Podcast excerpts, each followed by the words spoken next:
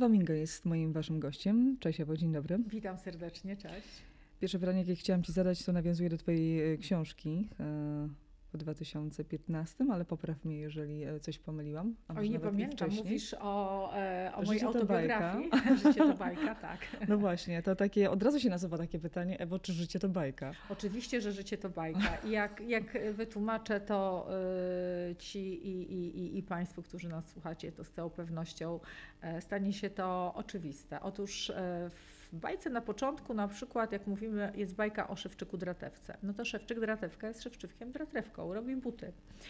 E, no i ma jakieś marzenia, tak? ale te marzenia, zanim e, zostanie mężem księżniczki, to musi pokonać smoka. I w życiu, jak w każdej bajce, są smoki, trole, czarownice, trzeba przejść siedem gór, siedem rzek, trzeba pokonać mnóstwo trudności, żeby zdobyć na końcu ten skarb, albo księżniczkę, albo lampę Alladyna, e, czy cokolwiek innego.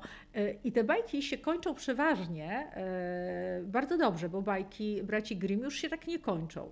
Mhm. Natomiast przeważnie bajki kończą się bardzo dobrze, no ale to my tylko znamy ten moment wesela, żyli długo i szczęśliwie. Nie wiemy, może rozwód później był, prawda? Znowu jakieś smoki, trole, czarownice się pojawiły. E, no i właśnie moje życie to jest taka bajka, która jest e, ciągłym, e, ciągłą wędrówką w kierunku prawdy, w kierunku szczęścia, tego mojego szczęścia osobistego, takiego spełnienia się. No, wydaje mi się, że, że ta droga moja jest wyjątkowo, chociaż wiem, że na to nie wyglądam, wyjątkowo usłana e, kamieniami, trolami, smokami. No, ale... Chciałam powiedzieć, że powiesz, że wyjątkowo usłana jest różami, ale to. E, może tymi byłoby... kolczastymi, po których trzeba przejść, bo są stopą, bo i, i takie róże mi się w moim życiu zdarzały w nadmiarze, które okazały się zatrutymi kolczastymi tymi bardzo różami. Natomiast e, moim ogromnym orężem i ogromną bronią, zanim weszłyśmy na antenę, to żeśmy o tym krótko rozmawiały, są przyjaciele. I ja mogę się pochwalić tym, że mam e, naprawdę spore grono przyjaciół, wypróbowanych w różnych bojach, w różnych sytuacjach, z takim stażem 40-letnim, 30-paroletnim. Właśnie Cię zapytałam to w ogóle, czy to w ogóle jest możliwe w dzisiejszym świecie, bo się wydaje, że jest niemożliwe. Y, jest możliwe, wiesz, co dajesz, to dostajesz, ale też jest bardzo ważne, bo trafiają nam się różni ludzie. Y, nawet jeżeli my najbardziej uczciwie i lojalnie postępujemy w stosunku do ludzi, to ludzie bywają bardzo różni. Y, I ważne jest, żeby się nie zrażać. Czyli jeżeli spotkamy jakąś białą owieczkę, która okaże się przefarbowana i będzie miała za chwilę czarny odrost i, i, i zęby jak u wilka jej urosną, czy będzie to jakiś przez kogoś wstawiony kąt koń trojański, e, no to nie poddawać się, liczyć na te kolejne przyjaźnie. Ja myślę, że mi jest, wiesz co, też łatwiej, dlatego że ja jednak dorastałam w czasach komuny, dorastałam w zupełnie innych czasach. W czasach e, dzisiaj coraz częściej z tą, z tą o to, e, tę komunę wspominamy z takim sentymentem, bo, bo było inaczej. Nie było internetu, nie było social mediów, nie było telefonów komórkowych. Trochę też mam wrażenie, że byliśmy wszyscy bardziej równi sobie, tak? Tak, w związku z z tym, wiesz, nie było takiej zazdrości e, i, i, i, i ona oczywiście e, to był taki czas, w którym te przyjaźnie zawierane były dużo łatwiejsze, e, ale też wydaje mi się, że bardzo dużo zależy od wychowania, od tego, co wyniesiemy z domu. Ja na przykład tak za, zaszczepiłam w moich synach ogromny szacunek do ludzi, i takie dobre traktowanie ludzi, tych, którzy od nas zależą zwłaszcza, tak? czyli tych, którzy są pod nami. Natomiast nie przewidziałam jednej rzeczy, że mój na przykład starszy syn powie mi kiedyś coś takiego, że mamo, e, oczywiście powie to z sympatią wielką, ale to wychowanie mnie skrzywdziło, bo e, został bardzo mocno e, gdzieś tam oszukany przez, przez ludzi w biznesie po drodze, e, ale wiesz, ja sobie uzmysłowiłam, że on wchodził w ten świat, który był już zupełnie inny. To zaufanie nie mogło być takie bezgraniczne i to oddawanie, wiesz, serca na dłoni swoim pracownikom czy współpracownikom, czy znajomym, czy przyjaciołom, ponieważ on już miał nazwisko. I to nazwisko było, to nazwisko jest przynętą. Ja dzisiaj mi jest dużo trudniej nawiązać nowe przyjaźnie, dużo trudniej jest mi zaufać ludziom, ponieważ ja już mam nazwisko. I wiesz, ja mam świadomość tego, że bardzo często nie chodzi o Ewę, tylko chodzi o Mingę. E, no właśnie, czyli kalkulują.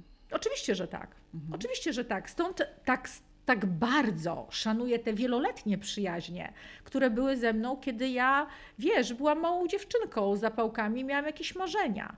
I osoby, które są dzisiaj ze mną, to są osoby, które były ze mną, jak ja byłam w czasach liceum, e, na studiach, czy, czy moja marka była na przykład bardzo świeża. Moja taka przyjaciółka, mam dwie z takim dużym stażem przyjaciółki. Jedna to jest Monika e, Hajnowska, którą serdecznie e, pozdrawiam, z którą się przyjaźnimy od 15 roku życia, czyli 41 lat przyjaźni w te wakacje będzie. E, nasze losy się zupełnie inaczej potoczyły, i, i, e, ale ona zawsze była taką ciepłą, wspierającą e, osobą. Ja w drugą stronę również. Marzymy o tym, że jak ona już będzie mogła przejść na emeryturę, a jeszcze trochę nam brakuje, to że zamieszka gdzieś bardzo blisko mnie, bo dzieli nas dzisiaj 300 kilometrów i nie mamy takiego tego codziennego kontaktu ze sobą. Troszkę troszkę też zawodowo jesteśmy w dwóch różnych światach. Natomiast druga moja przyjaciółka, którą ty też znasz, Ela Czaplejewicz. E, pozdrawiamy Ewę, ser- Elę Pozdrawiamy serdecznie. Elę serdecznie, przez, przez wszystkich zwaną Czaplą. Ona była w moim życiu, kiedy ja byłam Ewą i budowałam Mingę dopiero. E, I ona mi bardzo pomogła na początku tej mojej drogi. Była przez wiele lat moim menadżerem. E, I, i, i jakby żeśmy wszystkie najważniejsze moje osiągnięcia życiowe, zawodowe i prywatne świętowały bądź opłakiwały razem. Wiesz co, to jesteś, e, no, masz duże szczęście, bo myślę, że niewiele osób może pochwalić się takimi znajomościami, przyjaźniami w, z takim stażem. Pytałam cię na początek, czy to życie to jest bajka, powiedziałaś, że tak, chociaż usłana nie różami, tylko kolczastami z tymi różami czy kamieniami, tak. jakkolwiek to, e, to określimy. W jakim momencie dzisiaj jesteś swojego życia? O, ja dzisiaj jestem Bo w trakcie... dalej jeszcze kamienie i te, te wiesz co, kolczaste róże, czy już... Ja jestem osobą bardzo odważną. Ja jestem osobą, której często, wiesz, e, intuicja podpowiada, nie idź w to, nie wiesz, nie ufaj, nie bądź taka, wiesz, szczera i otwarta.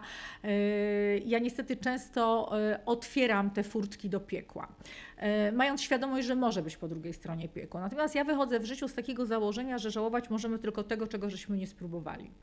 E, I jeżeli masz dużo marzeń, jeżeli masz dużo celów w życiu, wiele pomysłów i nie trzymasz się jednej ścieżki, także realizujesz coś sobie krok po kroku, krok po kroku, tylko tak jak ja, e, to dzisiaj pracuję dokładnie w czterech zawodach. One się zawsze ze sobą spinają, ale, ale zajmuję się literaturą, bo wydałam, to była pierwsza książka, o której mówiłaś, potem e, wydałam dwa bestsellery, e, jeden w ubiegłym roku, drugi w tym roku, w styczniu Gra w ludzi, Furtka do piekła, e, a w czerwcu trzecia książka na rynku, już oddana do wydawnictwa, w czerwcu się pojawi. W związku z tym buduję tą moją markę literacką, wydawnictwo Pruszyński, które jest moim wydawnictwem. Od samego początku bardzo we mnie wierzę, entuzjastycznie do tego podchodzą, podobnie zresztą jak moi czytelnicy. Mhm. Z drugiej strony maluję, słuchaj. Maluję, mam wystawy na całym świecie, teraz się szykuję do, e, do kolejnej wystawy e, w Singapurze na przykład. Zostajmy na chwilę przy tych książkach, zrobimy mm -hmm. mały przecinek. Czy któraś z tych książek ostatnich i ta, która dopiero wejdzie na, na rynek, e, ja wiem, że są to powieści, ale czy w tych powieściach, to zawsze czytelnika interesuje mnie też szalenie, że tam jest, są historie tak zwane ży z życia wzięte. Oczywiście. E, wszystkie trzy książki. Te dwie pierwsze to jest część trylogii. Trzecia część trylogii wyjdzie dopiero jesienią. Tutaj też uprzedzę moich czytelników, e, którzy naciskają Paniewo, kiedy trzecia, Paniewo, kiedy trzecia, kiedy trzecia część. Więc gra w ludzi, furtka do piekła i trzecia część, która jest w tej chwili e, u mnie w komputerze, którą e, piszę. Są to książki absolutnie oparte na faktach. Główna bohaterka Anna e, istnieje. Oczywiście zmieniłam bardzo wiele rzeczy. Zmieniłam e, w ogóle większość głównych głównych bohaterów. To są ludzie, którzy istnieją. E, zmieniłam imiona, zmieniłam często zawody, natomiast zawód głównej bohaterki jest dokładnie taki, już ten faktyczny, dzisiejszy. Trzeba przeczytać e, drugą część, e, żeby wiedzieć, w pierwszej można się może domyśleć, w którym kierunku pójdzie Anna. Ten cały świat celebrytów, który pokazuje, ten świat tego blichtru, bardzo bogatych, zamożnych ludzi. To są ludzie, którzy mają swoje imiona i nazwiska, oczywiście pod zupełnie innymi występują w książce, ale mnóstwo osób odkryło, kto jest kim. W tych dwóch książkach występuje w dwóch malusieńkich, ja osobiście Ewa Mingę, w dwóch bardzo, bardzo małych fragmentach, takich, e, wiesz, jak to czasami reżyserzy siebie wstawiają jako dziesiątą osobę na planie, to ja w tych książkach występuję jako dziesiąta osoba na planie. Natomiast w tej książce, która pojawi się już w rynku na czerw, która pojawi się już na rynku w czerwcu, e, której tytułu jeszcze nie zdradzę, ale e, oparta jest na Emiratach Arabskich i nie dlatego, że jest moda na, na dziewczyny z Dubaju czy inne tego typu książki, tylko to jest prawdziwa historia. Zresztą można w internecie przeczyta, przeczytać o tym, jak w jaki sposób e, zaczęła się moja przygoda z ubieraniem e, księżniczek arabskich. E, to jest książka, którą piszę w pierwszej osobie. Występuję tam pod swoim własnym imieniem, występuje tam Czapla jako główna bohaterka, bo trudno, żeby Elżbiety tam nie było ze względu na to, że jakby towarzyszyła mi większości, e, prawie we wszystkich moich podróżach zawodowych, ale też w moim życiu prywatnym. I to jest książka, którą piszę ja. Książka, która jest z jednej strony przerażająca, która demaskuje świat pseudomodelingu, bo ja cały czas bronię prawdziwe modelki rasowe modelki. Zresztą wyjaśniam w tej książce, e, na czym polega moda, na czym polegają fashion weeki, na czym polega budowanie marki. Wyjaśniam w tej książce, e, że te naprawdę prawdziwe modelki, takie z krwi i kości, które pracują w modelingu, one nie muszą e, zarabiać dodatkowych pieniędzy na prostytucji, że są całe agencje, zresztą w tych dwóch książkach, Gra w ludzi i Furtka do piekła, też pokazuje takie fermy, gdzie się produkuje tych nowych celebrytów, takie e, osoby, które ktoś powie, no jest popularna, płacą jej za, za to, że promuje różne produkty, tak naprawdę niczego w życiu nie osiągnęła, czy nie osiągną, e, są popularni, bo mają, nie wiem, TikToka czy Instagram. Ja to trochę demaskuję, pokazuję, że bardzo często stoją za tym opiekunowie. E, kiedyś się mówiło o tym sutenerzy, dzisiaj stoją za tym opiekunowie, którzy inwestują poważne pieniądze w takie osoby, a później czerpią zyski, począwszy od reklam, a skończywszy na różnych e, seksualnych usługach. Kiedy ty wchodziłaś do tego świata e, mody, ten świat e, no, siłą rzeczy wyglądał on zupełnie inaczej, to były zupełnie inne lata niż teraz. Patrząc na ten świat i mody, i ten świat celebrycki, nie masz czasami tego dosyć już po tylu latach? Wiesz co, ja mam bardzo dosyć, dlatego cały czas mówię, że moda jest niemodna, bo dzisiaj moda, wiesz, to jest dziś, naszym światem rządzi obrazek. Naszym światem rządzi obrazek i e, ja jestem bardzo szczęśliwa, bo mi się udało na moim Instagramie zbudować rzeszę fanów, e, którzy czytają moje teksty. Jak ja wrzucę obrazek, to oni czasami piszą, a Pani Ewo, a jak Pani tam skomentuje to, czy to jakieś wydarzenia. I rzeczywiście u mnie się czyta, tak? Ale żeby się to czytało, to bardzo często muszę wrzucić kontrowersyjny obrazek. E, w związku z tym żyjemy w świecie obrazkowym i ten świat obrazkowy powoduje, że dobre obrazki budują markę. A czym jest obrazek? Obrazek jest rzeczą zewnętrzną. Za moich czasów, Twoich pewnie też, mówiło się nie oceniaj książki po okładce, przeczytaj tę książkę. Dla mnie gwiazdami takiego pierwszego formatu to są ludzie typu e, świętej pamięci profesor Religa. To są dla mnie gwiazdy. To są ludzie, którzy, e, polscy lekarze, którzy dokonują dzisiaj przeszczepów twarzy, którzy dokonują skomplikowanych przeszczepów, nie wiem, płuco serca. To są e, naukowcy, którzy pracują nad lekarstwami różnego rodzaju. No, ludzie, którzy, wiesz, nie wiem, aktorzy, którzy grają, niech, niech i tak będzie. Aktorzy, którzy potrafią odegrać doskonałą rolę i przenieść nas w jakiś świat. To są pisarze, to są dobrzy dziennikarze. Wiesz, ktoś za kim stoi autentycznie, za kim stoją autentycznie jakieś dokonania. Ktoś, kto ulepsza ten nasz świat, kto powoduje, że idziemy w fajnym kierunku. Wiesz, natomiast osoba, która pokazuje gołą dupę, e, świetnie zrobioną i fantastycznie zrobiony, przerysowany biust, ona mi zupełnie nie przeszkadza. Natomiast ona mi przeszkadza wtedy, kiedy staje się autorytetem. Opowiem Ci taką historię, która to w bardzo prosty sposób Ci wyjaśni. Otóż e, kilka lat temu Moja przyjaciółka mówi: Słuchaj, mam problem z moją córką, e, tu zmienię imię. E, Zuzia e, postanowiła zostać celebrytką. Zuzia lat 14, przestała się kompletnie uczyć, była to. Szybko. Tak, postanowiła i mówi, że no, zaczęła tłumaczyć, wiesz, że ona, no, ona ma taki pomysł na życie, ponieważ obydwoje rodzice mają bardzo mocny charakter.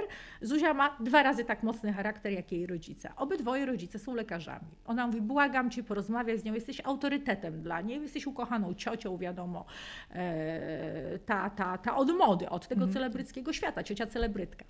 No i spotykam się z Zuzią, mówię, Zuziu, kochanie, powiedz mi, no ale co się dzieje w ogóle, wiesz, tak super się uczyłaś, chciałaś być lekarzem, tak jak rodzice, no takie słabe oceny, a tutaj zaraz do liceum trzeba zdawać. Ona mówi, ciociu, posłuchaj, Wiesz, ta i ta, no popatrz na nią. No i mi tam, wiesz, pokazuje na, na Instagramie. Stanie na ściance, jej za to płacą tyle i tyle, ponieważ dziewczynka jest z Warszawy, to wiesz, te stawki tutaj, jakby to środowisko wbrew pozorom jest małe. Mówi, dostaje tyle i tyle, za to, że nałoży te buty, dostaje tyle i tyle. Zobacz, świetnie wygląda. Ja jestem ciociu atrakcyjna, trzeba powiedzieć bardzo atrakcyjna. I wiesz, ciociu, no, no moi rodzice zrozum, no mój tato jest znanym lekarzem, moja mama jest również znanym lekarzem. Nie ma ich w domu. Chodzą na nocne dyżury, są w prywatnym gabinecie, w szpitalu, są zmęczeni, kłócą się, są zestresowani, ciągle ktoś ma do nich jakieś pretensje. Po co to wszystko? Po co, skoro ja się ładnie ubiorę, rozumiesz ciociu, i zarobię kupę kasy, jeszcze będę na okładkach, bo media promują takie użyła tego słowa puste osoby. Ja mówię, słuchaj, te osoby nie muszą być puste. Te osoby żyją tym swoim wyglądem. I nawet jeżeli te osoby są mądre i żyją tym swoim wyglądem, to jak myślisz, ile lat ta osoba będzie dla ciebie, dla tobie podobnych młodych ludzi autorytetem? No, ta uroda przemija, tak? Jeżeli będzie dobrze inwestowała, no to może coś będzie miała prywatnego, z czego będzie żyła. Ale wiesz, jak jest trudno, jak ona jest podziwiana przez 10, 15 lat. No dobra, niech będzie 20 lat, jako taka piękna, wyjątkowa osoba i co chwilę pojawiają się nowe, młode, z którymi ona musi konkurować, doganiać to wszystko. A ty, jeżeli zostaniesz lekarzem, jeszcze piękną lekarką, niczemu to nie przeszkadza, żebyś założyła swoje konto na Instagramie, żebyś pokazywała medycynę, żebyś pokazywała jakieś ciekawostki e, ze świata, a przy tym jesteś jeszcze dodatkowo bardzo atrakcyjna. No wiesz, no może to nie musi być medycyna, ale pomyśl o tym, żeby jednak wrócić do tej nauki, bo piękna, mądra, wykształcona, będziesz mogła zdecydowanie więcej. E, Zuzia dzisiaj jest na drugim roku medycyny. To jest mój sukces, mój osobisty sukces. Nie skończyło się oczywiście na jednej rozmowie, e, ale e, wiesz, no, trudno zaprzeczyć, że świat tego blichtru, tego, tego pędu, wiesz, tej taniej mody, mm, która, która jest wszędzie dostępna i jest wyznacznikiem tego, kim jesteśmy.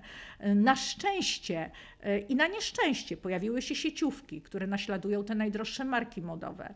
W związku z tym najdroższe marki modowe czym walczą? Wielkimi logotypami, które są kompletnie niemodne w świecie ludzi naprawdę zamożnych. W świecie ludzi naprawdę zamożnych dzisiaj, mówimy o, o tym świecie międzynarodowym, nie ubiera się wielkich logotypów, nie goni się za modą. Bardzo często korzysta się z usług, które my dzisiaj proponujemy, z concierge, który, który nie, nie prowadzi do magazynu czy do salonu i każe wybierać, tylko e, ja razem z moim zespołem projektujemy dla takich osób. Między innymi za granicami Polski powstają całe kolekcje indywidualne. Podejście, e, Ewa, bo to jest ciekawe, tak? o to tak. projektowanie też chciałam, chciałam Cię zapytać, mimo że jakby większą chyba teraz uwagę skierowałaś na literaturę i na obrazy, o tym e, za chwilę.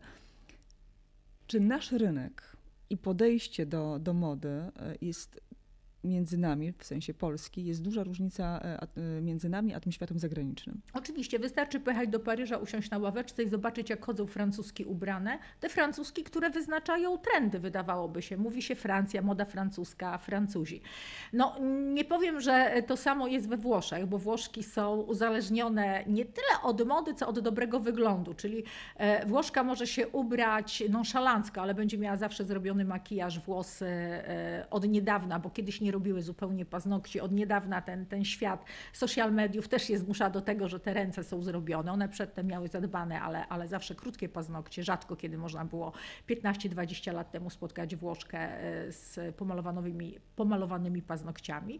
Natomiast nie żyje się dla mody. Modą się bawi na świecie. A jeżeli mówimy o tych grupach e, takich e, naprawdę wysokich społecznie, wysokich finansowo, tam jest no, nie mówię o celebrytach, nie mówię o, o, o osobach e, takich jak, nie wiem, aktorki czy piosenkarki, które chodzą obwieszone tymi torebkami po 200-300 tysięcy, natomiast w tym świecie naprawdę zamożnym. Nie mówię, to nie jest świat, który zdecyduje się, przepraszam, bardzo szanuję, e, który się zdecyduje na wzięcie udziału w programie żony Miami, Warszawy, Hollywood e, i tak dalej. To, to nie jest ten świat. To są ludzie, którzy mają wielkie pieniądze, te pieniądze są dla nich, te pieniądze są, mają bardzo często w większości jakieś fundacje, e, wspierają e, w sposób bardzo często cichy, taki nienachalny ludzi, którzy, czy, czy instytucje, które pomagają takiego wsparcia, są bardzo często opiekunami, mają szkoły, które finansują, wybitnie uzdolnioną młodzież, której fundują stypendia. Oni nie mają torebek z krokodyla za pół miliona złotych, bo to jest po prostu siara. Mówiąc krótko, to jest siara. I żeby też inaczej wyglądać, bo pewnie no, nie chodzą do sieciówek i nie ubierają się w sieciówkach, ale też to nie dla nich e, domy mody typu Chanel czy Dior zamykają, e, a opisuje takie sytuacje e, w tej powieści, która, która? Tak, która się ukaże. Polecam, ponieważ tam ten świat wielkiej mody i wielkich pieniędzy jest mocno opisany. Jak to działa, jak to funkcjonuje. Y, to nie jest tak, że ktoś wchodzi do salonu Chanel y, i ten salon jest zamykany. Tak, tego typu rzeczy też istnieją. Głównie e, skupiają się na tym e, ludzie, którzy się stosunkowo świeżo dorobili pieniędzy. Kiedyś mówiło się, że Rosjanie, dzisiaj są również wśród nich bogaci Polacy, każda inna nacja. No zachłystujemy się tymi pieniędzmi na początku. Ja pamiętam, że e, moje pierwsze zarobione pieniądze się zachłysnęłam, miałam cztery auta luksusowe, tak, więc, więc y, potem... Jak, dzisiaj, jak dzisiaj patrzysz z perspektywy A nie, czasu? No, wiesz, ja, ja, ja, wtedy, y, ja wtedy już, kiedy kupiłam czwarte auto i siedziałam y, patrząc na, na, na piękny, luksusowy kabriolet, marzenie wielu ludzi, mm, który był tak naprawdę najmniejszym i najtańszym autem w mojej stajni, zrozumiałam, że kupuję sobie szczęście, że prywatnie mhm. jestem nieszczęśliwa i że to są polepszacze nastrojów. Nie musiałam kupować kolejnych kolejnej sukienki, bo miałam firmę, w której co chciałam, to powstawało dla mnie. E, natomiast w jakiś sposób sobie rekompensowałaś. Rekompensowałam, tak. I, I wtedy, kiedy zrozumiałam, że ja muszę odnaleźć e, szczęście zupełnie gdzie indziej, a to są dla mnie koszty, to są dla mnie przeglądy, wszystkim te samochody bez tą sobą szczerą pożyczałam. I pamiętam taką ostateczną sytuację, kiedy mój przyjaciel odstawił mi to auto do garażu, bo się jego zepsuło, pożyczył ode mnie auto, właśnie piękny kabriolet z takim wiesz, parcianym dachem, srebrny. No i otwieram po miesiącu ten garaż, żeby wziąć to auto, a on jest taki od, y, wiesz, od opony do dachu cały w błocie, brudny. Y, wiozę go na czyszczenie. Okazuje się, że nie wiedziałam, że ktoś mi oddał auto z takim błotem e, na, na, na dachu. To jest wyżarte, to, ten czarny dach jest takimi smugami, wiesz, z błota już beżowy, już nie jest czarny. Pomyślałam sobie, że jestem idiotką i, i sprzedałam wtedy trzy auta, zostawiłam jedno i do dzisiaj jeszcze jednym samochodem. No to to jednak e, poszłaś, jak, e, jak to się mówi, poszłaś po rozum do głowy, w sensie wiesz, szukając... Poszłam, ja, ja, wiesz, ja nie ukrywam, że... Szukając nie tutaj szczęścia, gdzie, gdzie pewnie trzeba. Um, Chciałam Cię zapytać o. W, w Twoich projektach chodzi i chodziło wiele osób. Czy są takie klientki, które ty szczególnie zapamiętujesz? E, oczywiście, że pytam też o nazwiska e, takie, które my wszyscy znamy, w, czy, czy, czyli znane między innymi też i zagraniczne. E, albo inaczej, dla tych, którzy może nie wszyscy wiedzą, ale e, no, no, właśnie, kogo, kogo zdarzyło ci się ubierać? Wiesz co, no, zdarzyło mi się ubierać przeróżne osoby. E, wtedy, kiedy mieliśmy, e, wiesz, taką trochę ścianę i brak dostępu do tych gwiazd zagranicznych, bo dzisiaj jest to stosunkowo proste. Projektanci, którzy posiadają pieniądze, pieniądze. E, wystarczy, żeby podpisali umowę z agencjami, które obsługują e, showroomami na świecie międzynarodowymi. Dzisiaj ubrać Kardashiankę to nie jest żaden problem. To po prostu kosztuje określoną kwotę pieniędzy i się ubiera i to wszystko. Także jeżeli ktoś marzy o tym, żeby znane osoby nosiły ich ubrania, również to w mojej książce opisuję, to żaden, żaden Odczarowujesz wow, żaden... ten cały świat, bo jak potem się um, pokazują takie artykuły, czy gdzieś tam nagłówki, że w tym projekcie dana gwiazda chodzi, to ktoś, ale tym bardziej na przykład z Polski, bo patrzymy też przez, Tak, prze, tak, przez pryzmat tak, rynku tak. polskiego, to myślisz sobie wow, prawda? Bo ktoś zwrócił uwagę, a tu się Nie, ale okazuje, wiesz, tam nawet inny ktoś- mechanizm bardzo często. Tak, to jest mechanizm bardzo prosty, dlatego że wiesz, taka gwiazda, jedna, druga czy trzecia, e, to są gwiazdy, które e, zarabiają na swoim wizerunku. I ktoś powie, Boże, ale ona jest taką mega znaną gwiazdą międzynarodową, przecież ona bierze miliony za filmy, za piosenki i tak dalej, no to jeszcze ją interesuje te tam, nie wiem, 100 tysięcy e, za, za to, że nałoży sukienkę. E, e, Oczywiście tak, nie zawsze jest to też tak, że interesuje tą gwiazdę. Jest bardzo często tak, że gwiazda ma swojego stylistę, ale stylista chce zarobić. No więc stylista nakłada na tę gwiazdę te stroje, za które ma zapłacone, żeby nałożyć, a jeszcze jeżeli gwiazda to zaaprobuje, to nawet te pieniądze do tej gwiazdy nie muszą wcale trafić, właśnie trafiają do agencji, które się tym zajmują. Za moich czasów, jak te gwiazdy ubierałam, nie było takich agencji. W ogóle no, to wszystko jakby ten świat był troszeczkę inny. E, Nawet tego Instagrama nie było, jak był, to mnie tam namawiano na to konto, wiesz, ja, ja nie rozumiałam, że to jest takie medium, że to jest taka możliwość porozumiewania się e, z rynkiem, z ludźmi, ze światem w ogóle. No dzisiaj jakby wszyscy wiemy, że jesteśmy na takiej smyczy, zwłaszcza my osoby popularne e, czy, czy posiadające firmy, marki, jesteśmy do tego przywiązani, co mnie też osobiście bardzo drażni. I mm, to, to, to Działało to na takiej zasadzie. Opowiem Ci na przykład moją historię z e, ubraniami dla Riany. Otóż e, miałam swój pokaz w Paryżu.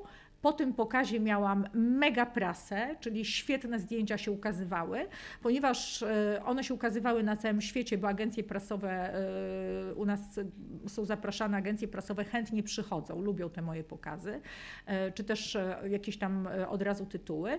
I, i, I to się w najlepszych serwisach prasowych wtedy pokazało. Pokazało się również w amerykańskich.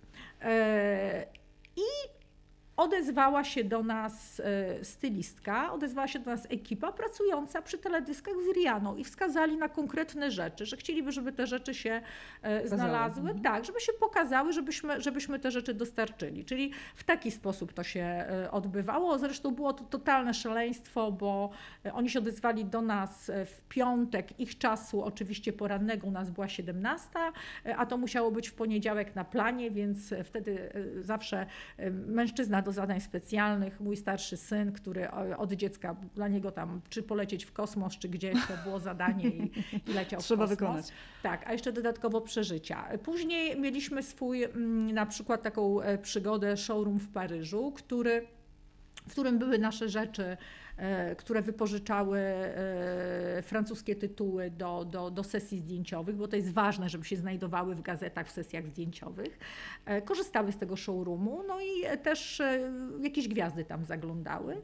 E, No i się kiedyś dowiedzieliśmy, że jedna sukienka e, się bardzo spodobała Sheryl Cole e, i ona w tej sukience wystąpiła, e, a później jej się spodobała kolejna e, w jednej w Cannes, potem w takim programie telewizyjnym bardzo e, głośnym amerykańskim e, wystąpiła. No a któregoś razu, to już nawet nie wiedziałam o tym, budzą mnie dziennikarze, dosłownie mnie budzą dziennikarze, telefon w domu, wiesz, dzwoni tak e, cały czas i Paniewo, Paniewo, czy pani wie, czy pani wie, że Sheryl Cole na rocznicowym słynnym koncercie królowej Elżbiety, e, było to wtedy już nie pamiętam, 50 czy 55-lecie panowania e, królowej Elżbiety, słynny e, wielki koncert, e, koncert, potężne przeżycie, no i Sheryl Cole, nagłówki w międzynarodowej prasie, Polacy to wyłapali, bo w międzynarodowych serwisach Dosłownie na, na wszystkie nagłówki były zjawiskowa Sheryl Cole w zjawiskowej kreacji Ewy Minge.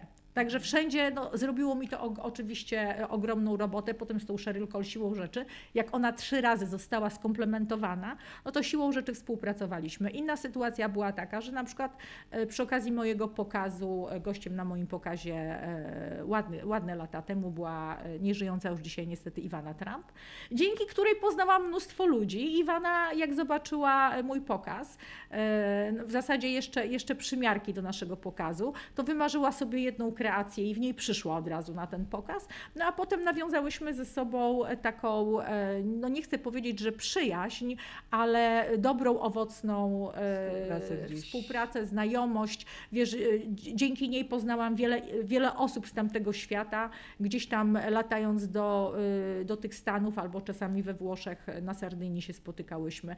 Wiesz, moim życiem rządził przypadek. Ja, mi było ciężko płacić za to, żeby jakieś gwiazdy ubierały moje rzeczy, z tego względu, że jeżeli inwestowałam w pokazy, a te pokazy to są naprawdę duże pieniądze i też to któryś raz wyjaśniam, tak samo wyjaśniam to w tej mojej książce e, o tych Emiratach Arabskich, takiej skandalizującej, że e, to każdy, czy to jest do mody Chanel, czy to Dior, E, będąc, pod, robiąc pokaz w ramach kalendarza od Kitir czy jakiegokolwiek innego kalendarza w jakiejkolwiek innej stolicy mody, musi za wszystko zapłacić sam.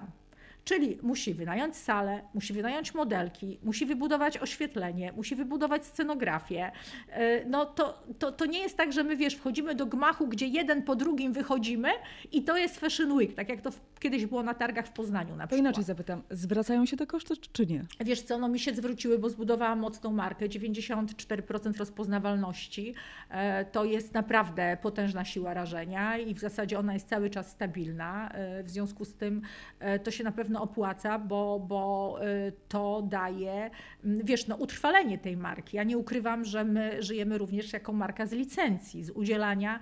To jest marka, która dobrze sprzedaje, to jest marka, która jest dobrze kojarzona, marka, która zawsze miała dobry produkt. Natomiast nie stać mnie było na to już, wiesz, jeżeli wydałam na pokaz, podpowiem Ci, że to jest minimum, które trzeba wydać, to jest 100 tysięcy euro, to jest minimum i to jest skromny pokazik.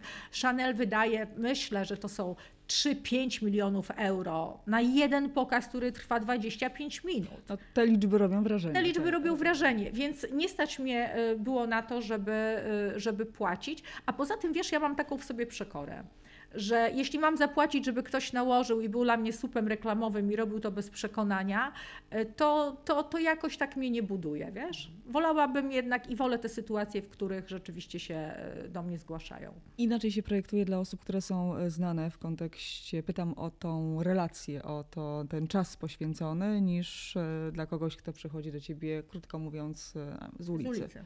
Wiesz co? Tak. Y, ja mam to szczęście, zawsze miałam to szczęście, że pracowałam z osobami, które lubię. Jeżeli zgłaszała się do mnie osoba, której nie czułam energetycznie i na przykład, nie wiem, jej wizerunek był zupełnie niespójny z moją filozofią, y, to nie podejmowałam takiej współpracy. Mówiłam, że nie podołam, proponowałam, żeby zrobił to ktoś inny. Jeżeli na przykład, mm, wiesz, bardzo często jest tak, że osoby, które mają pieniądze, y, o, opowiem Ci też taką anegdotę. Miałam kiedyś bardzo krótko atelier w Warszawie, gdzie można było do tego atelier przyjść i zamówić sobie kreację. I to atelier pracowało rewelacyjnie, ale ja psychicznie nie uniosłam sytuacji, w której mój projekt, osoba, która przychodziła, ja nie mogłam jej powiedzieć, ja pani tego nie zrobię. I mhm. wiesz, ja miałam na przykład jakiś projekt, który był e, czarny. I on idealnie ten projekt w czerni leżał, on powinien być czarny, żaden inny. I przychodziła osoba, mówiła, Pani Ewo, ja widziałam gdzieś tam u Pani na schodach hiszpańskich taką czarną sukienkę, ale mi w czarnym jest niedobrze. Ja bym chciała to w lila kolorze. Y, dla mnie to była, y, wiesz, to jest, y, aż mnie zęby bolały na samą myśl o tym kolorze. Ja tego nie widziałam. I chyba po trzecim popełnieniu takiej mojej wewnętrznej prostytucji, bo ja to tak nazywałam, kiedy dałam się namówić, wiesz, i, i, i mimo wielu mm, dyskusji e, odmówiłam, a już takim, taką kropką nad i to była sytuacja, gdzie na mój pokaz przyszła moja klientka w mojej sukni, e, która była przeznaczona troszkę chyba wydawało mi się do, dla dużo młodszej osoby, ale okej, okay, tu jeszcze wszystko fajnie. Gdyby nie to, że doszyła na to jeszcze doszyła, do, ozdobiła tą suknię z czterema kilogramami takich wielkich, rozumiesz, jak żuki kamieni kolorowych. De facto idzie to na twoje nazwisko. No właśnie. No właśnie, w związku z tym e, atelier zlikwidowałam. E, pracujemy z osobami od lat, tymi samymi, ewentualnie pocztą pantoflową jesteśmy polecani.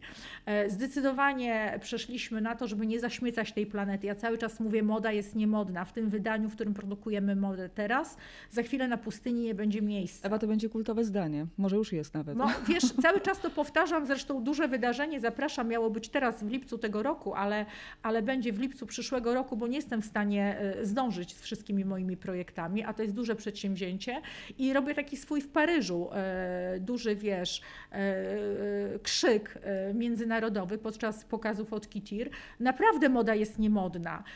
Na pustyni za chwilę nie będzie miejsca na wyrzucanie ciuchów, bezprawne. Oceany są rzeczy topione. To nie jest tylko tak, że pływają słomki i my tam nie używamy słomek, bo w oceanie pływają słomki.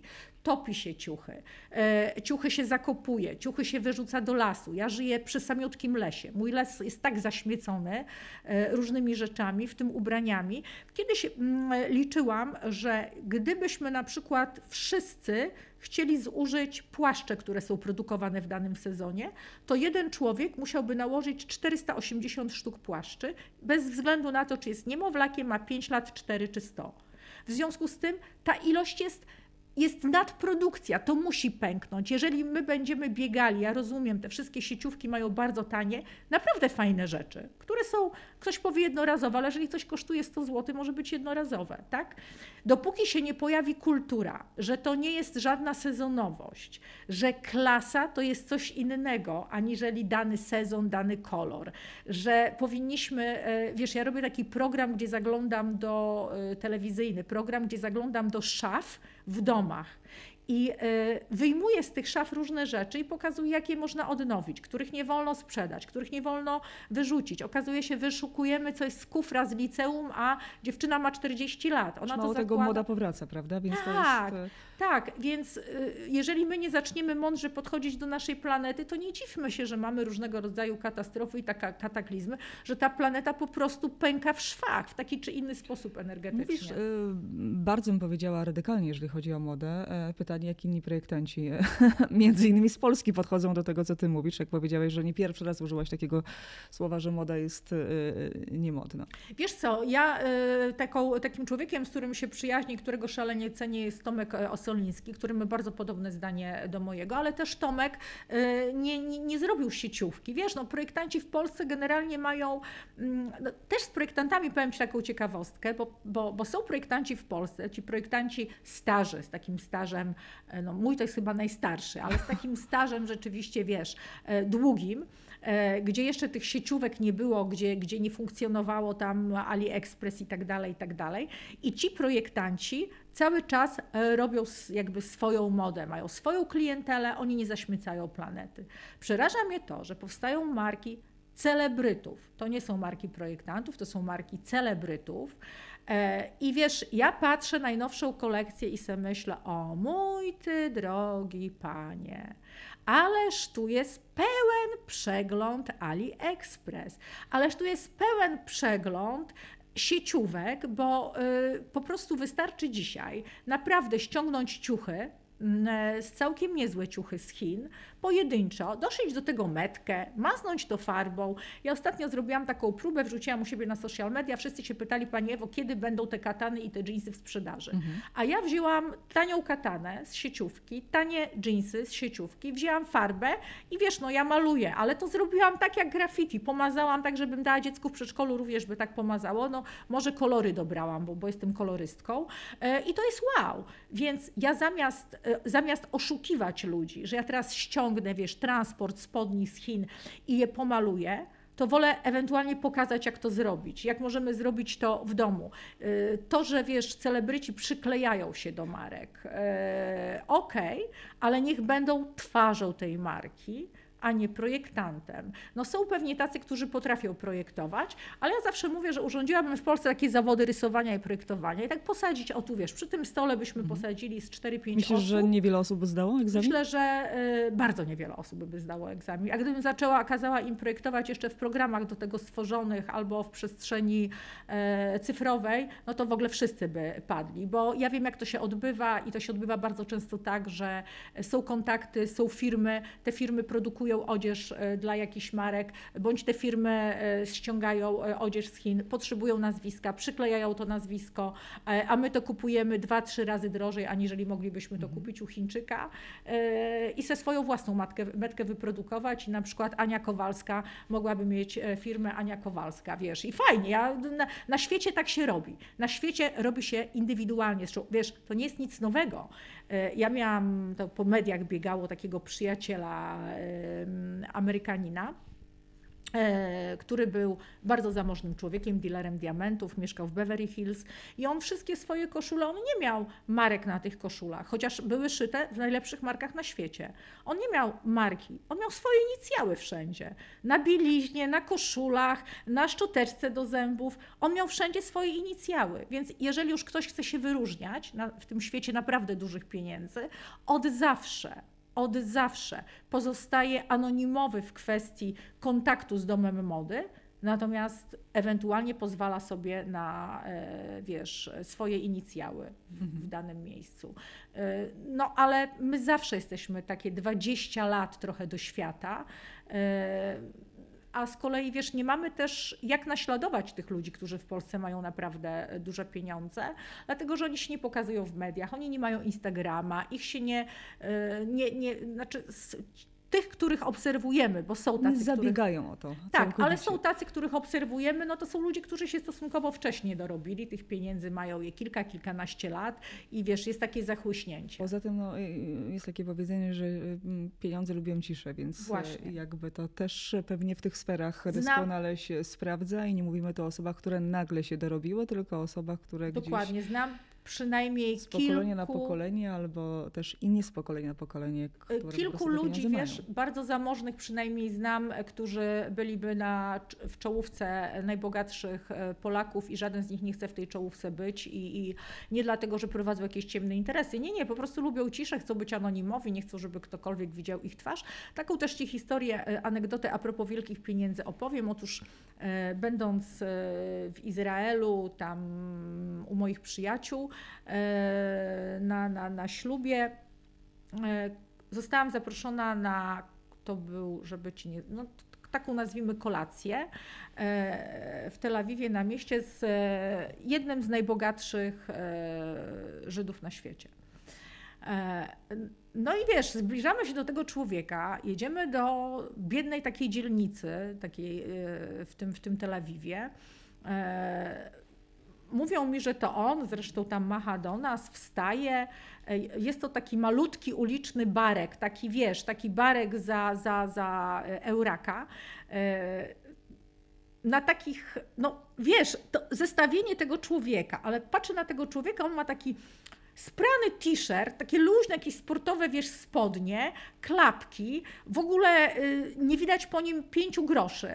Nie dałabyś za niego pięć groszy jeszcze w tym barku. No i wiesz co, jem w tym barku rzeczywiście fantastyczne e, jedzenie, e, pyszne, fantastyczne jedzenie, takie wiesz, takie domowe jedzenie.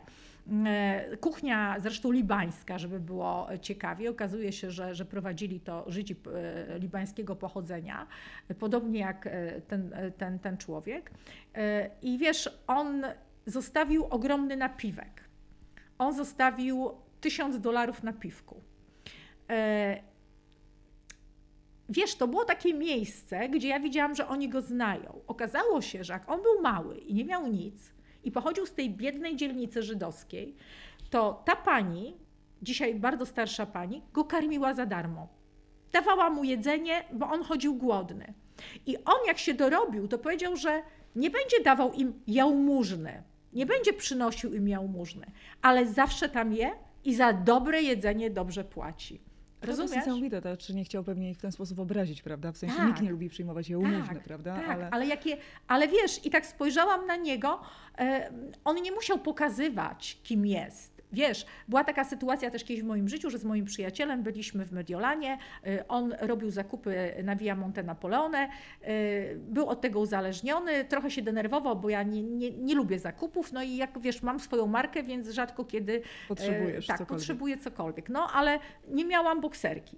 I mówię, słuchaj, ciepło się zrobiło, wejdę, kupię bokserkę. On mówi do mnie, no to chodź tu, tu. Ja mówię, słuchaj, no ja nie będę w Armanim czy gdzieś płaciła jakichś horrendalnych pieniędzy za bokserkę, chyba sobie żarty ze mnie robisz. No co ty w ogóle, chodź kup. Ja mówię, nie patrz tutaj i była sieciówka. Była sieciówka, i on stoi pod tą sieciówką i mówi, że on nie wejdzie do niej. Ja mówię, jak nie wejdziesz do niej? On mówi, że on nie wejdzie do tej sieciówki. Jak ja mogę wejść w ogóle? Wiesz, ja wyszłam, trzy podkoszulki jakieś tam za, za grosze kupiłam. E, w jednej wyszłam, bo było gorąco, chodziło o to, żeby rzeczywiście od razu, wiesz, się przebrać. E, I on tak mówi to mnie, no ale wiesz, to przecież jest sieciówka. Ja mówię, słuchaj, ale ja mam tu metkę i tu, a jeszcze jedną mam pewnie na czole. Ja jestem tak zbudowana, że ja nie muszę sobie nakładać metki, żeby się lepiej zbudować. Wiesz, więc to jest kwestia tego, jaki mamy charakter. Chciałam Cię Was zapytać przy Twoich doświadczeniach e, i Twoich projektach e, i pokazach, które były szeroko komentowane i też dobrze przyjęte na świecie. Który rynek Cię lepiej przyjął, polski czy zagraniczny? Oj, oczywiście, że zagraniczny, od samego początku. To było tak, że ja przyznam się bardzo szczerze, e, kiedy zaczęłam czytać o sobie, bo to było tak, ja dostałam trochę za prezydentową, którą ubierałam. E, Jolę Kwaśniewską. Jolę Kwaśniewską, tak. Dlatego, że Jola Kwaśniewska była bardzo komplementowana za swój wizerunek, zwłaszcza za granicą. Bardzo często podkreślano, że jest pięknie ubrana. Ona mi te artykuły przywoziła. No, jakby miałam świadomość, nie tylko ja ją ubieram, ubierają Terenia Rosati, z którą się bardzo lubimy e, i taka jeszcze jej przyjaciółka, właścicielka e, też marki odzieżowej. Generalnie trzy jakby, no ale nie ukrywam, że sporo żeśmy my tych rzeczy robili, tak? Mhm. Bardzo dużo. E, no i e, wiesz, bardzo wielu projektantów i firm chciało się ubierać, znaczy chciało ubierać prezydentową i ona często odmawiała.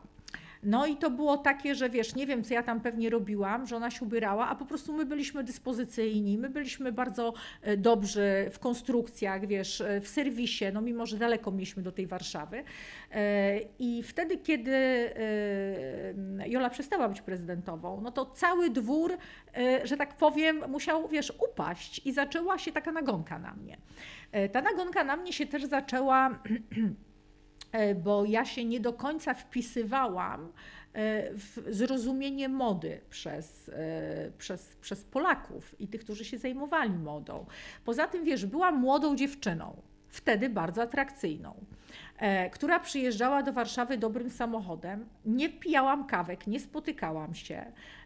Uchodziłam za osobę zarozumiałą przez wiele lat. Ja nie byłam zarozumiała. Ja przyjeżdżałam do Warszawy, załatwiałam, co mam załatwić i uciekałam do dwójki dzieci. Ja miałam dwoje dzieci, które wychowywałam sama, plus setkę zatrudnionych ludzi. Wiesz, 400-500 e, kilometrów dalej, bo wpierw 400, mhm. potem się przeniosłam jeszcze dalej od Warszawy 500 kilometrów. I zaczęto mnie gryźć. I sobie pomyślałam tak, że dostałam propozycję, która była dla mnie niewiarygodna. E, ktoś przechodząc się koło jednego z moich salonów w Warszawie, wszedł do środka, zapytał, e, co to za marka i tak dalej, i tak dalej kontakt dostał do mnie, ten człowiek do mnie zadzwonił i powiedział, że e, jest Włochem mm, i chciałby moje rzeczy na rynek włoski. I chciałby pokazać w ogóle te moje rzeczy na rynku włoskim. Czyli znowu przypadek. Znowu przypadek, tak. Wiesz, i, yy, i ja sobie myślę, no okej, okay, wysłaliśmy, przygotowałam jakieś tam katalogi, sesję zdjęciową, zrobiliśmy jakieś rzeczy, przygotowaliśmy ubrania. E, no i on powiedział, że dostaje zaproszenie na schody hiszpańskie. Ja oglądałam schody hiszpańskie, jak dwójka je kupowała, bo wtedy TVP, już w ogóle była jedynka i dwójka tylko. Dwójka je kupowała, e, to, to wiesz, się siadało jak ojej, oglądało się te, te pokazy, to było takie nie wiadomo co. Ja pamiętam, że kiedyś siedziałam dosłownie z nogami na stole w domu jako gówniara i e, mama z boku z, bo, z tymi nogami na stole, a dlatego z nogami, bo, bo, bo żeby się żylaki nie robiły. Ja to pamiętam do dzisiaj, wiesz, te moje nogi i tak sobie nimi ruszam i mówię, kiedyś tam będę. Oczywiście rzuciłam to sobie, wiesz, na zasadzie polecę w kosmos. E, I kiedy po tych schodach hiszpańskich, bezpośrednio po pokazie, zostałam natychmiast zaproszona na kolejny dzień, nie następny, ale jeszcze następny, żeby zrobić pokaz indywidualny i wepchnięto mnie praktycznie w kalendarz pokazów, że to jest tak dobre, a to był zbiorowy pokaz na schodach hiszpańskich. Mogliśmy bodajże 13 sylwetek tylko pokazać. Ja miałam oczywiście około 40. E, oni wybierali z tego, więc wybierając stwierdzili, że to trzeba w całości pokazać. I kiedy przeczytałam o sobie, że jestem e, drugim kawali, tylko młodszym e, i w spódnicy, kiedy, kiedy czytano, wiesz, czy czytałam o sobie w La, w La Repubblica, Il Messaggero, byłam w głównym wydaniu wiadomości Rai Uno, Rai Due, 4 minuty mojego pokazu, jako o odkryciu. I prezydent Alta Mody, Alta Romy, ówczesny prezydent Stefano Dominella powiedział mi w oczy, że 15 lat czekał na taki talent i stał się takim moim promotorem tej mody we Włoszech. To w tym samym czasie w Polsce przeczytałam w dobrym, poczytnym piśmie, kto wysłał królową kiczu na schody hiszpańskie było podejrzenie, że to Jolanta Kwaśniewska mnie wysłała, która nie miała z tym kompletnie nic wspólnego. Rozumiesz? Nawet nie mogła przyjechać. Pamiętam, że zaprosiłam wtedy ówczesnego ministra kultury e, i Danutę Hibner, która e, w Unii Europejskiej mocno wtedy działała w Parlamencie Europejskim i jakby, wiesz, e, oni się pojawili rzeczywiście. I ja tą zagranicę robiłam na zasadzie, jeżeli dla was tu jest to kicz, no to gramy w innej lidze. To co ja mam tu udowadniać, jeżeli wy w ogóle nie rozumiecie, że pokazy od Kitir to jest sztuka w modzie. To musi być przepych, to musi być bajkowe, to musi być ręcznie robione. To nie jest do sieciówek, to nie jest do noszenia na ulicę. To jest sztuka w modzie. A czym najlepiej zaistnieć? Czy zaśpiewaniem wlaskotek na płotek, czy pokazaniem e, głosu, który ma cztery Skale, skale, tak. tak? No więc ja zaczęłam od pokazania skali, a potem już to było oczywiste, że pojawili się agenci, którzy to moje preta porte, bo, bo na Alta Modzie, Alta Romie pokazuje się dokładnie właśnie od Kitir, e, czy to się nazywa Alta Moda po włosku e, i którzy zaczęli, wiesz, e, to, to, świat jest w ogóle inny, w świecie nie ma czegoś takiego, im szkoda w gazecie napisać, że coś było złe. Im szkoda, oni nie niszczą, oni po prostu nic nie piszą. Jeżeli raz w życiu zdarzyło mi się, że media we Włoszech o mnie nie napisały nic, kompletnie nic. Był to pokaz, nie zrozumiałam, ten pokaz strasznie się spodobał w Polsce, że wreszcie pokazałam coś dla ludzi. I ja wiesz, tym rozpędem wreszcie pokazałam coś dla ludzi. Taka dumna pokazuje to we Włoszech. W połowie pokazu e, Stefano Dominella wstał, wyszedł. Ja, tam mi ktoś powiedział, że Stefano rozwścieczony wyszedł. Okazało się, że, że ja pokazałam preta porte, które było bardzo dobre, ale nie na miejscu, niestosowne. To nie była alta, e, alta Roma, to nie była alta moda, alta Roma. To w ogóle, w ogóle ty se w Polsce możesz to pokazywać. I kiedy mu to tłumaczyłam, że w Polsce jestem gryziona, zadał mi pytanie: Ewa, czy ty chcesz być znana na świecie, czy w Polsce? Ja mówię: No na świecie. To myśl światowo. Ja ci mówię, ma być tak, koniec, kropka. Nie zwracaj uwagi na to, co piszą w Polsce. Ale wiesz, jak już zaczął pisać o mnie e, New York Times, Washington Post, Wall Street, mhm. e, jako o odkryciu, czy Le Figaro, no to skończyło się.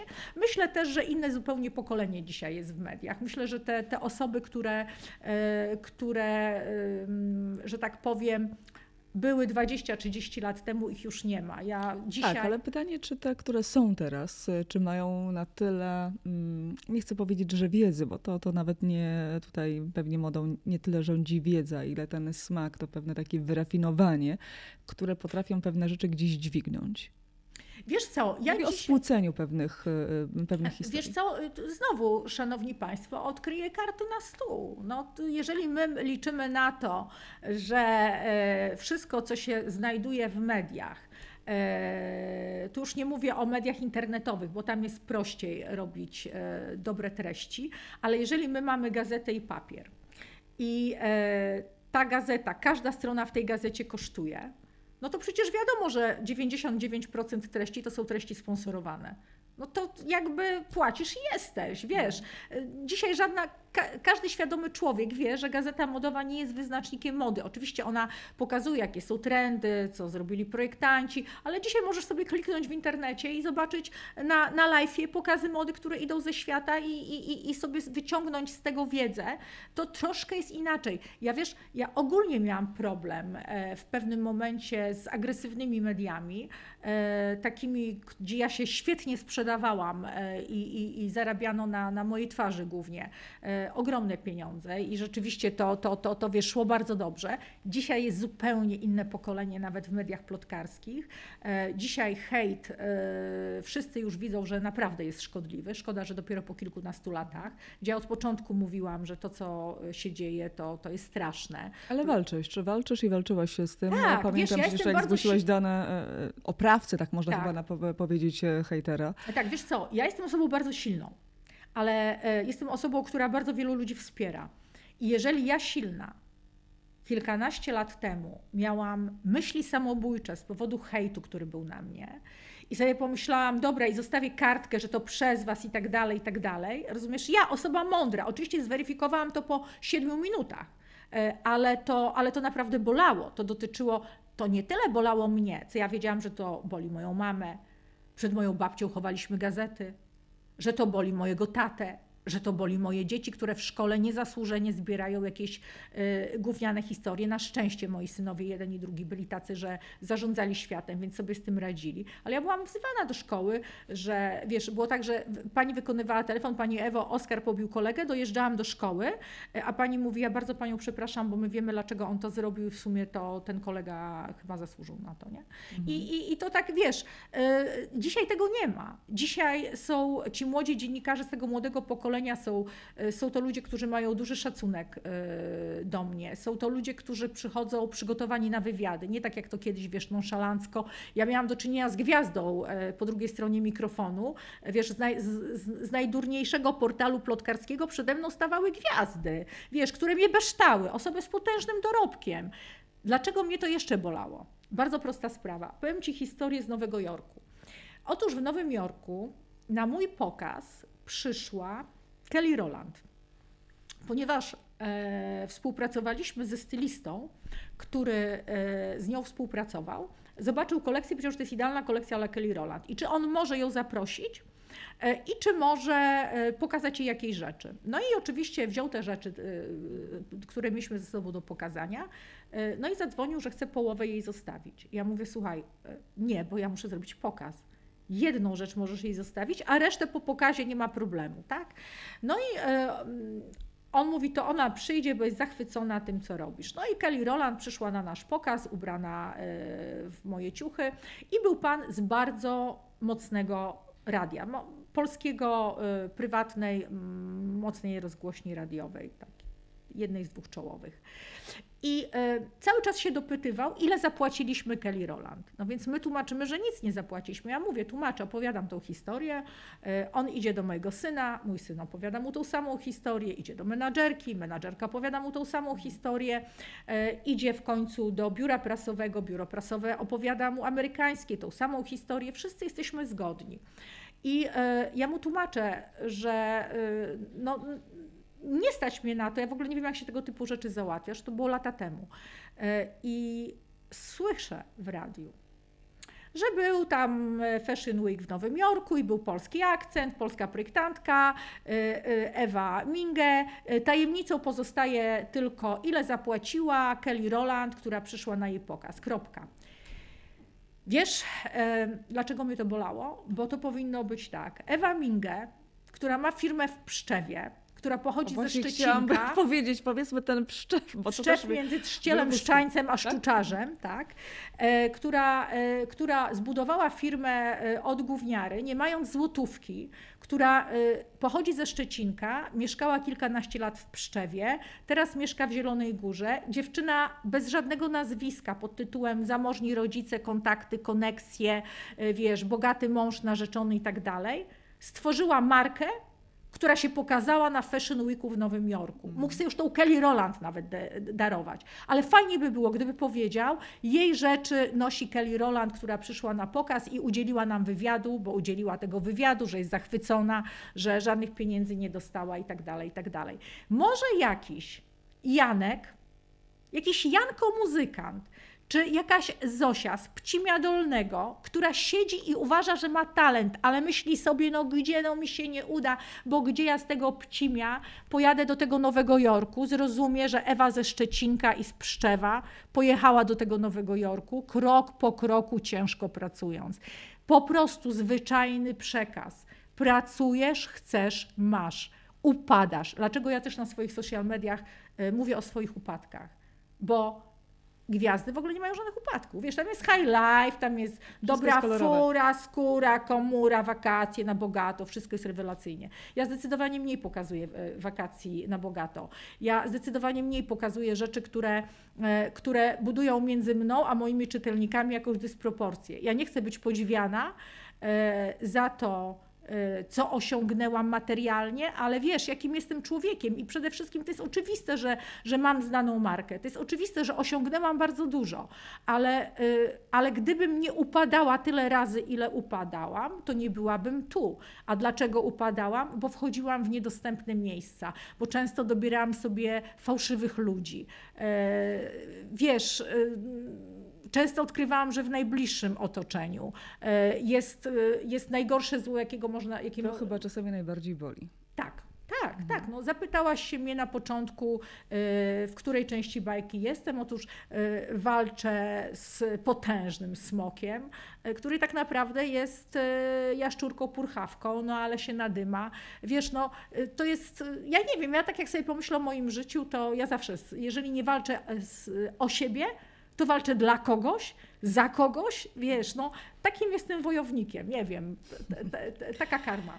E, miałaś, e, e, miałaś też bardzo poważne momenty, oprócz oczywiście hejtu i wielu przykrych sytuacji z tym związanych. Mówię tutaj o Twojej chorobie. Wiem, że o tym już też opowiadałaś, ale to jest coś takiego, że no nam się wydaje, że to wszystko właśnie z zewnątrz wygląda tak kolorowo i jest ten blichtr i tak dalej. I oczywiście, co tam możecie dotykać, jak ktoś tam na, na ciebie napisze, prawda, jakieś nieprzychylne słowo, skoro i tak ciągle osiągasz sukcesy. Pytam o to, bo jest wielu ludzi wokół nas, którzy w, gdzieś tam w samotności trochę walczą z tym swoim cierpieniem, a szczególnie osoby bliskie, bo pacjent dostaje tą pomoc, ta rodzina często e, nie. Jak pomóc e, takim osobom, jak zdobyć tą taką determinację w sobie, żeby się nie poddać, Ewa? Mówisz o chorobie, czy w ogóle, żeby się nie poddać? Mówię o chorobie. O chorobie. Wiesz, z chorobą to jest tak. Wtedy, kiedy ja dostałam swoją diagnozę, to wydawało się, że okej, okay, chemioterapia, bo to nie był, e, miałam białaczkę limfatyczną, e, no, czyli nie, nie, nie szpiczak, żaden przeszczep, no chemioterapia, walczymy.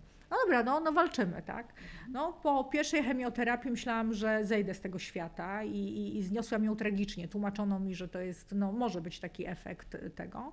E, no, druga chemioterapia skończyła się e, w ten sposób, że byłam e, na ojomie.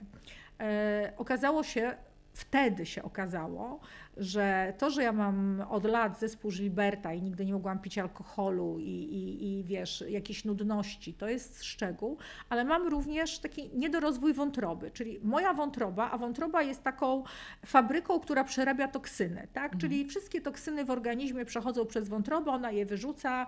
No, moja wątroba tego nie przerabiała, w związku z tym te toksyny, ta chemia się gromadziły, nie były wyrzucane w żaden sposób.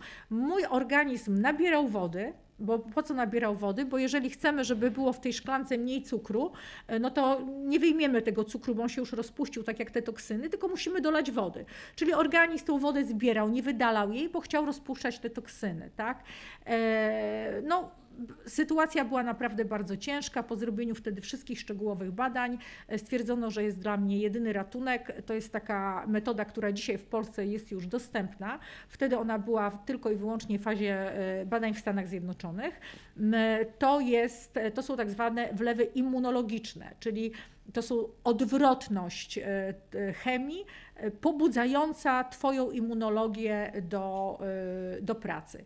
No okazało się, że niestety jest to, mimo że to jest testowe, to ponieważ ja nie jestem obywatelką Stanów Zjednoczonych, a to było finansowane między innymi też przez rząd, no to, to moje doświadczenie musi mieć określoną kwotę. E, to była bardzo duża kwota. Mhm. Ja część tych pieniędzy miałam, części nie. Miałam bardzo bliskiego przyjaciela, któremu się zwierzyłam z tego. Nie był to żaden mój partner, to przyjaciel taki w biznesie i prywatnie, z którym się przyjaźnię do dziś. E, ja mu się z tego zwierzyłam. E, on mówi: Słuchaj, nie bierz żadnego kredytu, ja ci pożyczę te pieniądze. A, ale wiesz, ja, to była metoda eksperymentalna mnie uprzedzono, że w zasadzie te. Na dwoje babka wróżyła. Tak? Nie, że ha, żeby na dwoje, że szanse są niewielkie. Ale walczyć trzeba. No ja sobie wtedy usiadłam, moje dzieci były nieletnie i pomyślałam sobie tak, dobra, wydam wszystkie oszczędności, zapożyczę się u mojego przyjaciela, nie wygram, moje dzieci zostaną bez matki, czyli zostaną same, bo je wychowywałam e, w pojedynkę. Moi synowie nie mają 20 lat kontaktu ze swoim ojcem. E, I, e, I mówię, kurczę, bez grosza, z długami, rozumiesz, no, no co dalej, tak? E, No i dwa tygodnie się zastanawiałam, co mam zrobić. Dwa tygodnie nie przespałam, dwa tygodnie myślałam, ważyłam, czy żeby oni zostali z pieniędzmi. I pomógł temu przypadek. Dowiedziałam się, że moja mama jest śmiertelnie chora. A moja mama była jedynym moim ubezpieczeniem. Czyli ja kalkulowałam tak: poddam się, szybko wszystko spieniężę. E, mamę, która była ode mnie tylko 20 lat starsza, czyli, czyli no, była jeszcze w takim kwiecie wieku, że mogła spokojnie wychować dzieci. Moje dzieci ubóstwiały babcie. E, był jeszcze mój tato oczywiście, czyli miałyby, wiesz, fajną rodzinę. E, wszystko wykalkulowałam. Ale się okazało, że w odróżnieniu do mnie moja mama ma zero szans. Nie ma ani jednego przypadku na świecie, żeby nowotwór, e, rodzaj nowotworu, który miała moja mama, był do wyleczenia. I powiedziano mi, lekarz, przyjaciel mój serdeczny, który e, postawił mojej mamie diagnozę, powiedział miesiąc, półtorej. Szok. Szok.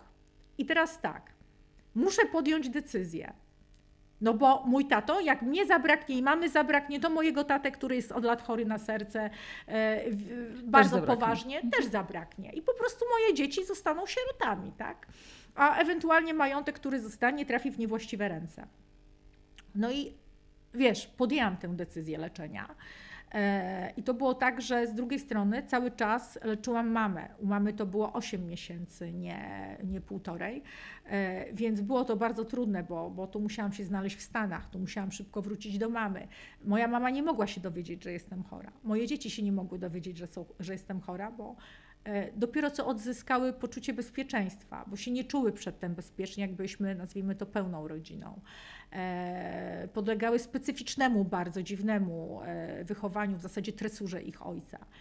I e, wiesz, i ja no, miałam dwóch tych najbliższych przyjaciół, którzy o tym wiedzieli. Pojechałam również do mojego prawnika, sporządziłam testament, spowodowałam, znaczy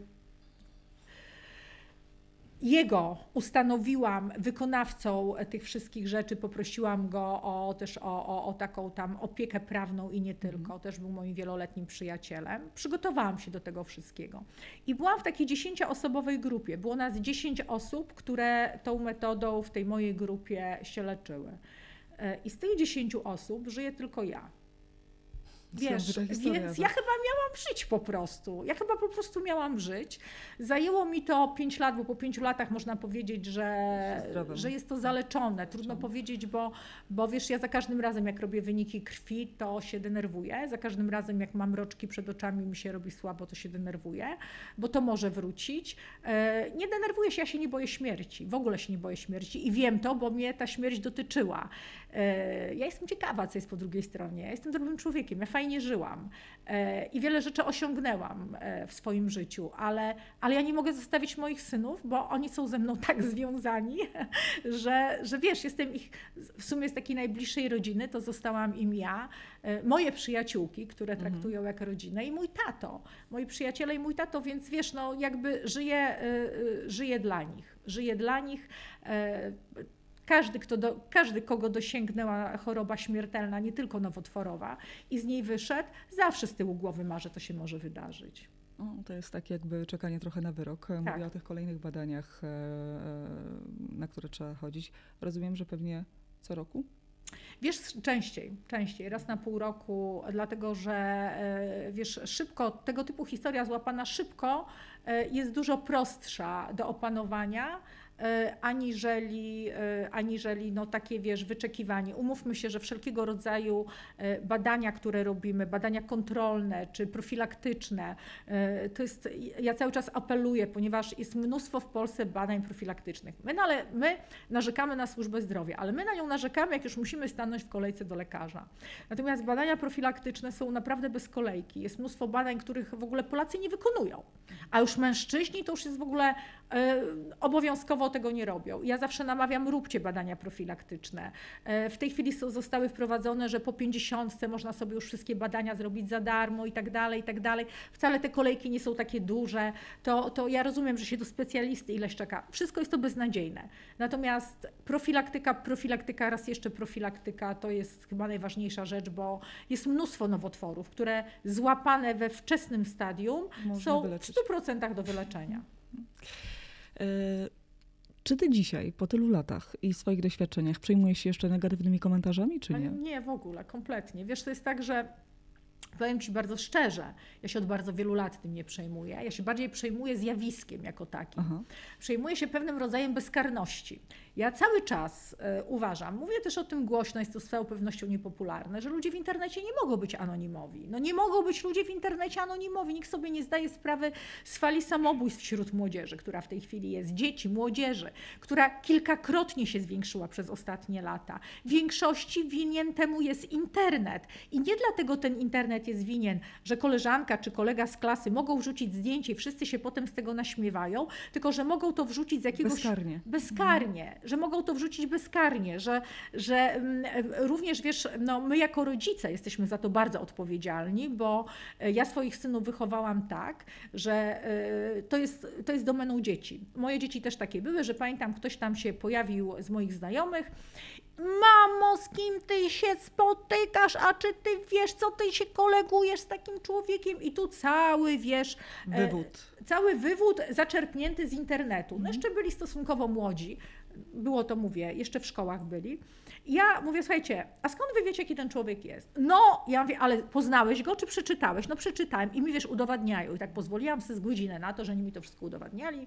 Mówię, chodźcie, siadamy. Tak, tak, tak, Ewa Minga, a teraz czytajcie. Mhm. I całe, wiadro pomyj.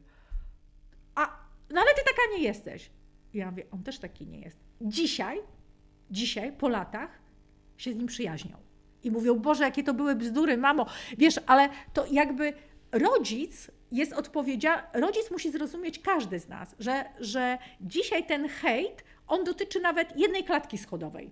To już, to już nie jest tak jak kiedyś, że się mówiło, że tylko gwiazdy się hejtuje. Ten hejt jest w przedszkolu, ten hejt jest w szkole. Skąd ten hejt jest? z mlekiem matki i ojca wyssany. Dzieci jak gąbka siąkną i słuchają, co rodzice mówią w domu. To nie jest tak, że to dziecko weszło w internet jako, jako małe i patrzę, jakie są systemy zachowań ludzkich. Nie, oni wynoszą to z domu. To jest straszne, bo często ja wiesz, robię takie rzeczy, że jeżeli, bardzo rzadko się w tej chwili zdarza, że ktoś mnie e, hejtuje. Naprawdę, to jest unikatowe. Bardzo się cieszę z tego powodu. Nie dlatego, że jest mi lżej, ale wierzę w to, że po prostu też te normy społeczne są troszkę inne, idą w innym kierunku. Wiesz, patrzę, kobieta, jakieś takie straszne rzeczy. W ogóle kobiety to są przodownice w dowalaniu innym kobietom. Takie straszne rzeczy pisze, wiesz.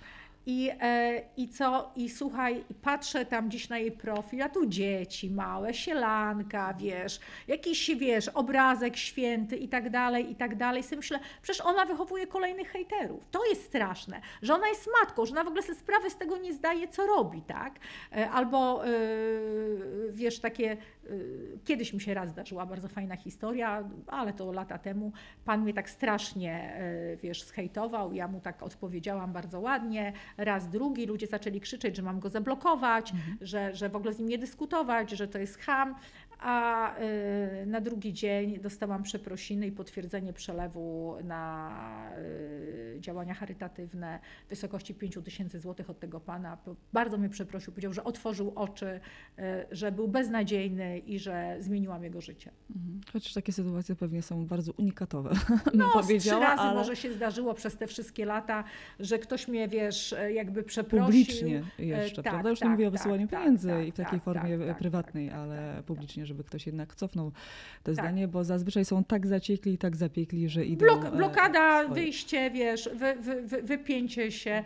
No, dzisiaj to mój syn się śmieje, mówi, mamo, ty to nawet nie zauważysz, jak ktoś coś napisze, to twoi fani zrobią z nim porządek, zanim ty wejdziesz, e, wiesz, w komentarze i rzeczywiście tak jest. E, bo myślę, że obserwuję większości, wiesz, ja się dziwię, są takie konta, nie będę tu nazwisk przytaczała, ale są takie duże konta niektórych celebrytów i wejdziesz, a tam 90% fatalnych komentarzy. Sobie myślę, matko mhm. świata, jak można kogoś obserwować po to, żeby go gnoić tylko, wiesz. No, u mnie na szczęście jakoś e, no, tego taki nie Taki sport, że tak, tak powiem, dla, dla, dla niektórych. Wracając jeszcze do, e, do projektowania. Kto według Ciebie w Polsce jest dobrze ubrany? Hmm. Pytasz niewłaściwą osobę. Dlatego, że ja zupełnie nie oceniam ludzi po wyglądzie. Wiesz, nie, nie, wiem, że to zabrzmi fatalnie, ale nie oglądam telewizji, w związku z tym e, nie mam czasu zupełnie na to. Nie obserwuję, jak są ludzie ubrani. E, jeżeli czytam jakieś gazety czy portale, kompletnie nie zwracam uwagi, wiesz, e, na te, gdzie tam właśnie są oceniane stroje. Dla mnie, wiesz, każdy człowiek, który jest ubrany przyzwoicie, tak, czyli, czyli bardziej zwraca może uwagę na to dostosowanie do okazji, dlatego, że co byśmy nie mówili, to ubiór jest wyrazem szacunku w stosunku do drugiego człowieka. Jak bardzo dzisiaj nie chciałam przyjść do ciebie w luźnym dresie, bo jestem zmęczona, to postanowiłam jednak się ubrać, żeby, żeby i Państwo, którzy nas będą słuchać i oglądać, wyrazić swój szacunek w stosunku do Państwa i tak samo do, do, do, do, do Ciebie. Wiesz, bardziej jak mi coś umknie, że ktoś się na przykład niestosownie ubrał. Czyli w tym kierunku bardziej, a nie chodzi o sam... Tak, wiesz, nawet jak jestem, jak, jak, jak bywam gdzieś tam, pamiętam, że ja zawsze jestem z tych broniących i, i tam ktoś ostatnio pojechał Joasie Kulik za jakieś jej tam ubranie, biały komplet Chanel z okazji, już nie pamiętam czego. Wiesz, generalnie wydarzenie, dziewczyna dostała mega nagrodę, w ogóle jest w sytuacji, w której powiedzmy jako Polacy, wiesz, się rozpływa, a tu się ktoś zastanawia, czy ona miała dobry rąbek u spódnicy, czy miała zły rąbek. Szlak mnie trafił, e, zapytał mnie jakiś portal, więc odpowiedziałam jasno na ten temat. E, dobrze wyglądała, dobrze była ubrana, e, nawet jeżeli się komuś wydawało, że była źle, była stosownie, a czy było jej w tym pięknie, czy nie, to jest jej sprawa. Ona się widziała w lustrze, ona była zadowolona. To, czy mi się podoba, de gustibus non disputantum est. E, to na koniec jeszcze jedno pytanie mm, dotyczące e, e, mody, bo mogłybyśmy pewnie jeszcze tutaj z dwie godziny rozmawiać. Nie kontroluję czasu. Podejrzewam, że to będzie najdłuższy nasz mój podcast, ale bardzo chciałam z Tobą porozmawiać o Tobie, o Tobie jako człowieku, ale tak fantastycznie opowiadasz o swoich różnych przeżyciach też i o, o modzie, że mm, w dużej części ta, ta, ta rozmowa skierowała się również i w tą stronę. Czy Ty jako mm, projektantka, nie obawiasz się, y, że niebawem sztuczna inteligencja również bardzo mocno wejdzie do tego świata mody, w sensie wyprze ten zawód? E, Sztuczna inteligencja wyprze bardzo wiele zawodów. Mhm. I musimy sobie jasno i otwarcie powiedzieć, że sztuczna inteligencja w pewnych sytuacjach e, no, po prostu zajmie nam stanowiska pracy. E, ja jestem osobą, która bardzo często moje projekty, moje pomysły, dzisiaj ten świat jest troszkę szybszy, ale e, są doceniane po kilku latach. O czym to świadczy? Ja mogę uczyć sztuczną inteligencję, ja mogę jej podpowiadać.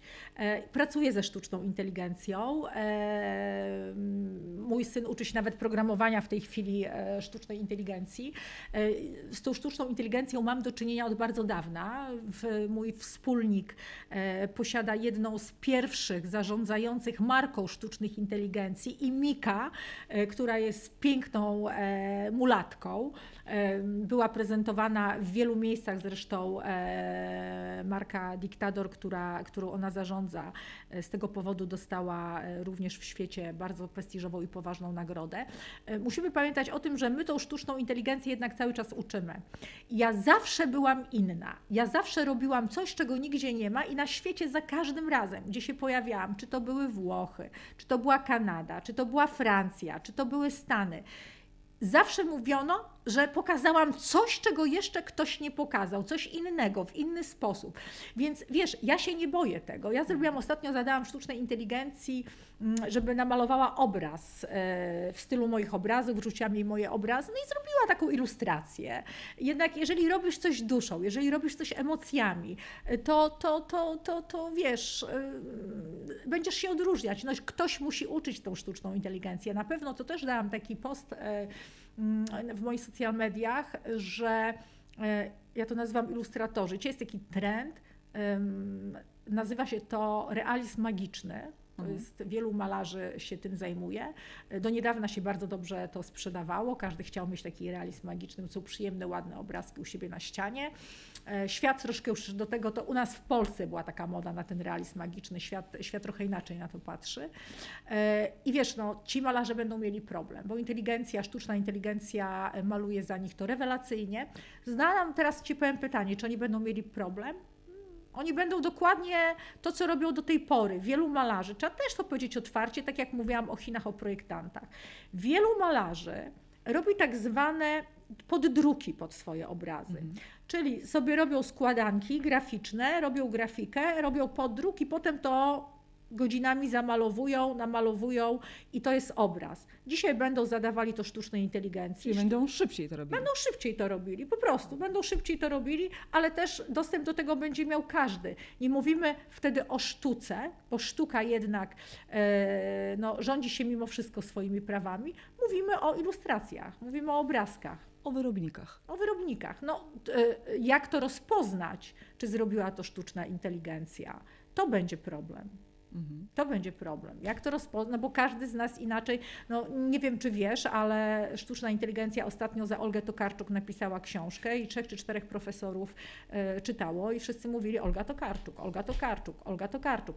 Ta sztuczna inteligencja wejdzie wszędzie. Trudno mi jest powiedzieć i trudno jest przewidzieć, jak daleko e, pójdzie ta rewolucja, ale nie jest to bezpieczne dla nas. Nie jest to bezpieczne i ci, którzy nas uspokajają, mówią, że. Pójdzie na... tak daleko, jak zostaną wyznaczone granice, których na razie nie ma. Tak, cały czas jest pytanie, kiedy sztuczna inteligencja nauczy się programować sztuczną inteligencję, tak? Mhm. Więc jeszcze pozostają Były takie tego... trzy punkty i też e, chciałabym, żeby profesor tutaj, jeden z profesorów pojawił się, gdzie ta sztuczna inteligencja nie powinna przekraczać. Między innymi też e, dotyczyło to właśnie właśnie, że nie powinna wyjść z tych rąk e, człowieka, co już de facto trochę się dzieje, prawda? Czyli no. jakby programiści nie nadążają z e, czasami za sztuczną inteligencją, no ale to na, na, osobny temat. Póki co, na razie jeszcze mimo Olgi Tokarczuk, tak dobrze sztuczna inteligencja jeszcze nie potrafi sobie radzić z, z różnymi dziełami, więc trzymam kciuki i, i, i też mam nadzieję, że kolejna, trzecia część tak, trylogii e, e, rozniesie No to jeszcze nie. Właśnie teraz robię taki skok w bok, aczkolwiek pojawia się tam wątek z gry w ludzi, furtki do piekła.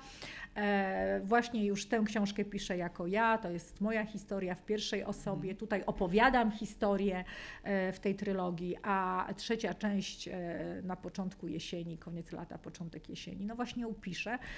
Wydawnictwo mnie goni, bo mówi, że czytelnicy, czytelnicy czekają. Ewa, bardzo dziękuję za, za to, że przyjęłaś zaproszenie, że jesteś, bo e, powiem Wam otwarcie, że długo czekałam. Ewa jest tak zajęta i rozchwytywana, że to nie jest tak prosto się umówić, ale dziękuję, że znalazłaś bardzo cię przepraszam, ja się, czas. Ja się e, Państwu... Ale nie mówiłam tego, żebyś mnie przepraszała, tylko ale, mówię, że... Ale ja tylko muszę powiedzieć, 500 kilometrów do Warszawy i to jest to też robi swoją, to robi swoją e, robotę, tak. swoją robotę i to też jest jakieś utrudnienie. Piękne dzięki. Bardzo Ci dziękuję za fantastyczną rozmowę. Dziękuję bardzo. you